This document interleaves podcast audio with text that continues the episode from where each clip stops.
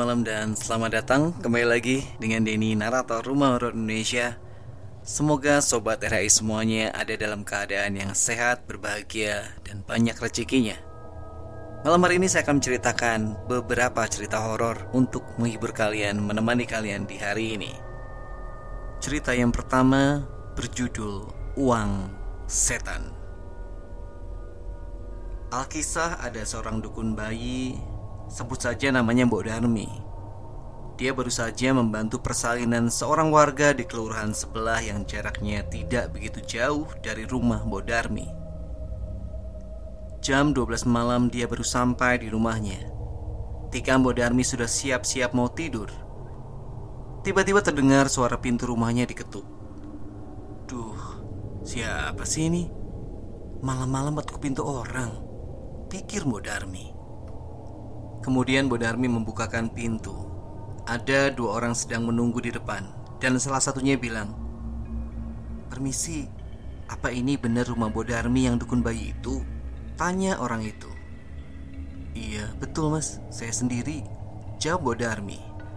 Singkat kata, orang itu pun memberitahukan maksud kedatangannya malam itu bahwa istrinya mau melahirkan dan rumahnya lumayan jauh sekitar 25 km dari situ.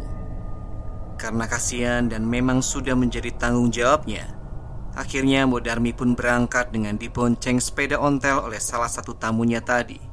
Laju sepeda kenceng dan halus banget. Anehnya, seingat Mbok Darmi, jalan menuju desa itu masih bebatuan. Namun ini bisa halus dan kenceng pula lari sepedanya. Sesudah sampai di rumah, Orang itu membawa Mbok Darmi menuju ke kamar di mana istrinya lagi kesakitan mau melahirkan. Singkat kata, Mbok Darmi akhirnya berhasil dalam membantu persalinannya. Tapi sebenarnya ada yang janggal dengan ukuran bayinya. Bayi itu ukurannya jumbo banget. Mungkin sebesar anak umur 2 tahun pada umumnya dan juga berbulu. Tapi itu semua tak terlalu dipikirkan oleh Modarmi Selesai sudah persainannya dan Mbok Darmi bersiap-siap untuk pulang. Kemudian sang suami perempuan yang melahirkan tadi datang menghampiri.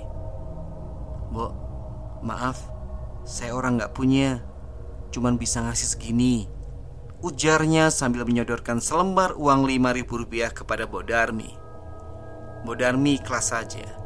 Tapi anehnya, orang itu kemudian berpesan, kalau Mbok Darmi ingin belanja, mesti pakai uang pemberiannya itu.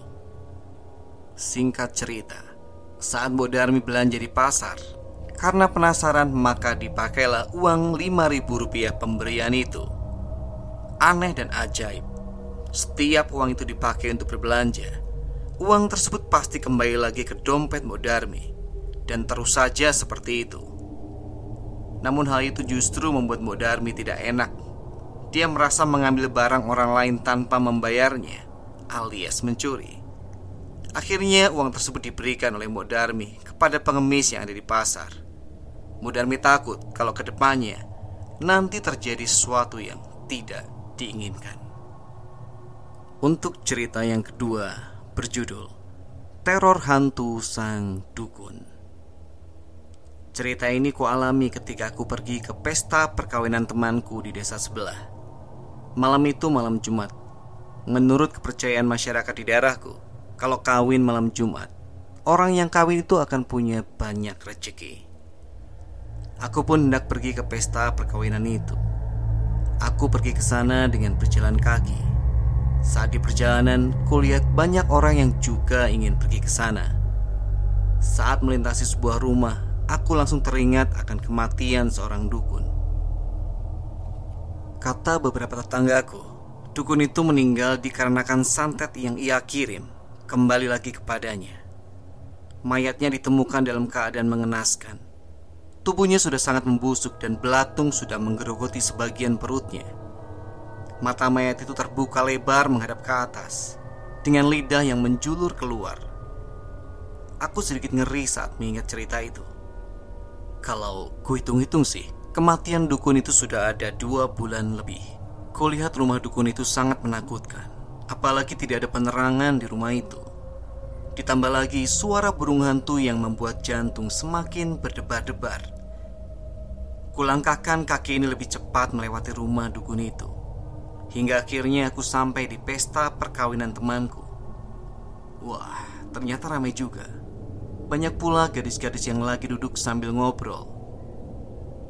Beberapa jam kemudian, satu persatu tamu telah pulang. Tapi aku enggan pulang karena lagi asiknya ngobrol bareng teman-teman. Kulihat jam sudah menunjukkan pukul 23.55 Sudah hampir tengah malam pikirku. Aku pun pamit untuk pulang. Saat hendak ingin pulang Sebenarnya nyaliku sudah benar-benar ciut. Karena jarak antara pesta dan rumahku yang lumayan jauh. Ditambah lagi aku harus pulang berjalan kaki sendirian Lengkap sudah penderitaanku Saat melintas di depan rumah sang dukun tadi Tubuhku merasakan hawa mistis yang sangat kental Suara-suara binatang malam membuat diri ini enggan berlama-lama di depan rumah itu. Tiba-tiba dari kejauhan, kulihat ada seseorang berdiri di bawah pohon besar yang berada di depan rumah dukun tersebut. Dan astaga, ternyata sosoknya mirip dengan dukun yang meninggal dua bulan lalu itu. Dia menampakkan dirinya. Aku berusaha tidak panik, namun hantu dukun itu terus melihat ke arahku dengan sorot mata yang tajam. Lidahnya menjulur keluar dan air liurnya menetes, membuat aku semakin tegang. Segera aku tarik ilmu yang diberikan nenekku dan ku tembak dia dengan tenaga dalam. Seketika hantu dukun itu menghilang bagaikan angin. Aku merasa lega saat hantu itu menghilang. Namun, saat ini berbalik, tiba-tiba hantu itu muncul kembali di hadapanku. Jaraknya hanya beberapa senti dariku. Aku merasa gugup sekali dan langsung ambil jurus pamungkas yaitu langkah seribu. Aku sudah nggak tahan lihat muka hantu dukun itu. Aku berlari sekuat tenaga. Becek yang ada di jalan tak kuhiraukan. Semuanya aku jalani sampai-sampai baju dan celanaku. Semua becek dan kotor. Akhirnya tiba juga di depan rumahku. Gedor pintu rumahku. Ibuku pun membuka pintu dan kaget melihat penampilanku yang sudah sangat acak-acakan. Namun bukannya ditolong, malah aku dimarahi karena pulang larut malam. Sial banget aku malam itu. Sudah pada ngantuk belum? Kalau belum, kita lanjut ke cerita ketiga. Tersesat di alam gaib. Sebelumnya aku dan kelima temanku, sebut saja namanya Oki, Rahmat, Rifan, Trisno dan Gofur berencana untuk merayakan pergantian tahun di puncak Gunung Gede. Pada saat pendakian sampai kami merayakan malam pergantian tahun, kami tidak terlalu mengalami hal-hal aneh, meskipun sekali terdengar seperti ada suara bebek di tengah malam. Hingga akhirnya pada saat kami turun gunung, kami pun sempat beristirahat di sebuah tempat seperti lapangan yang luas dan aku melihat jam saat itu menunjukkan pukul 15 sore. Setelah 20 menitan kami beristirahat, kami pun melanjutkan perjalanan. Namun saat itu aku kebelet untuk buang air kecil. Akhirnya aku pun kencing di bawah pohon yang ada di sekitar itu. Di bawah pohon itu ada sebuah lubang yang tidak terlalu besar dan secara tak sadar aku mengencinginya. Setelah selesai, Tiba-tiba seperti ada sesuatu yang masuk ke mataku.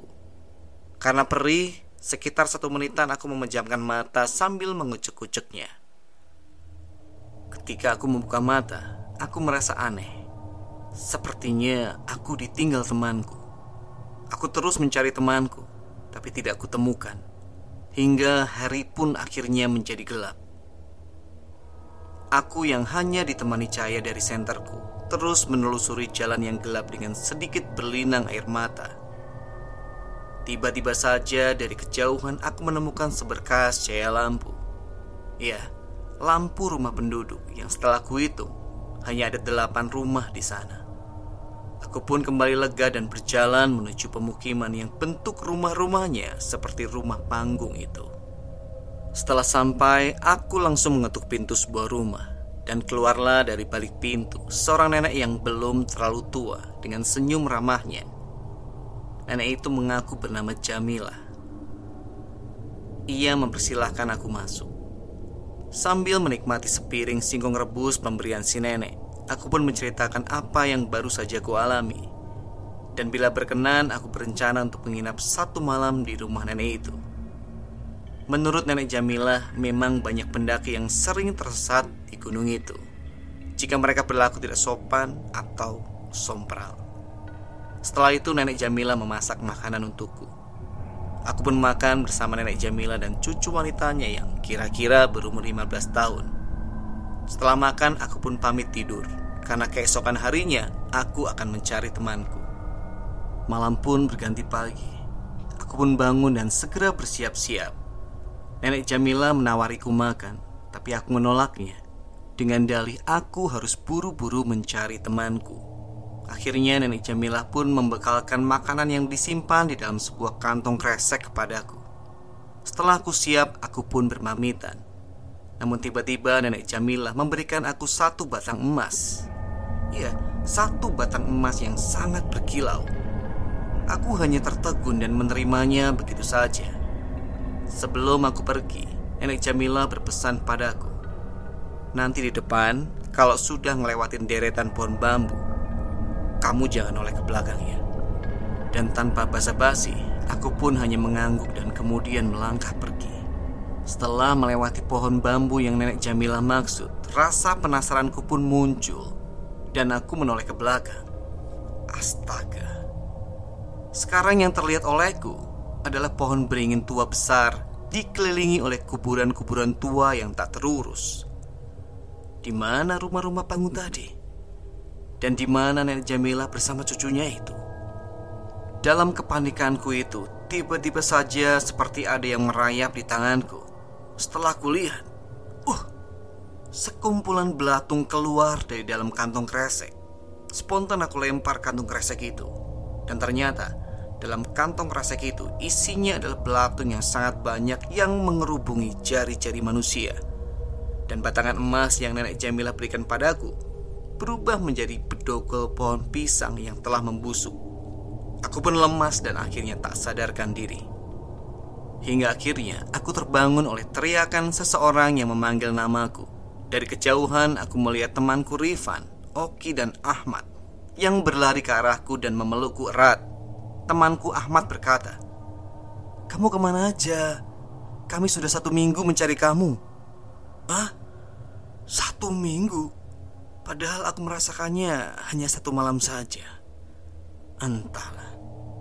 Oke, itu tadi cerita-cerita horor kita untuk malam hari ini. Semoga semuanya bisa menghibur kalian semua. Sampai ketemu di cerita berikutnya. Selamat malam. Selamat beristirahat.